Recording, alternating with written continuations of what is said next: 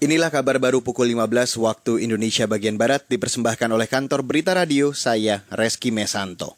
Pengadilan Tata Usaha Negara Jakarta hari ini memutuskan Presiden Joko Widodo dan Menteri Kominfo, Joni G. Plate melanggar hukum.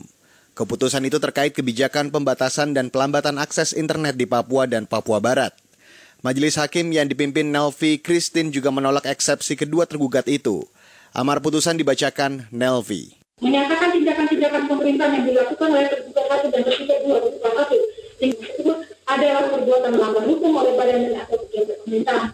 Atas putusan majelis hakim itu, kedua tergugat yaitu Presiden Jokowi dan Menteri Kominfo Joni G. Plate diharuskan membayar biaya perkara Rp457.000.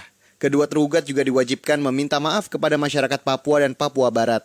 Agustus tahun lalu pembatasan dan pelambatan akses internet oleh pemerintah dilakukan di Papua dan Papua Barat Ketika itu aksi demonstrasi massa sedang ramai terjadi.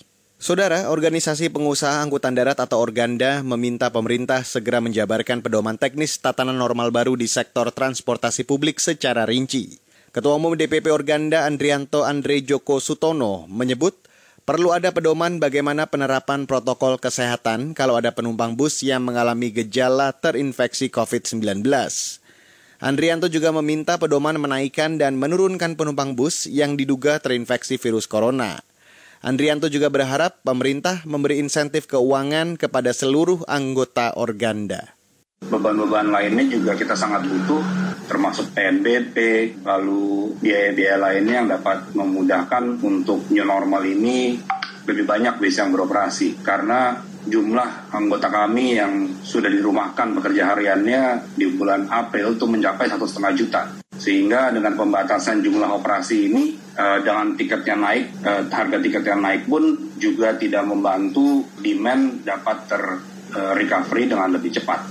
Ketua Umum DPP Organda Adrianto Andre Joko Sutono juga mendesak pemerintah tegas menertibkan angkutan darat ilegal. Angkutan tidak resmi itu disinyalir mengangkut penumpang, melanggar aturan PSBB dan menetapkan ongkos hingga tiga kali lipat tarif normal.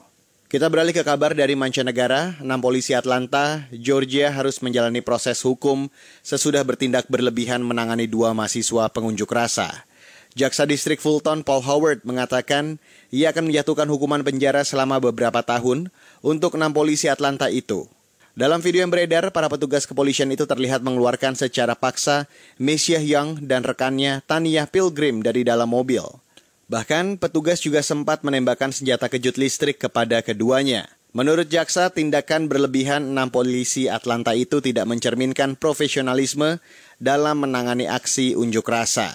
Sementara itu, Wali Kota Atlanta Keisha Lance Bottoms mengatakan ia akan mendesak kepala kepolisian untuk memecat dua dari enam petugas itu.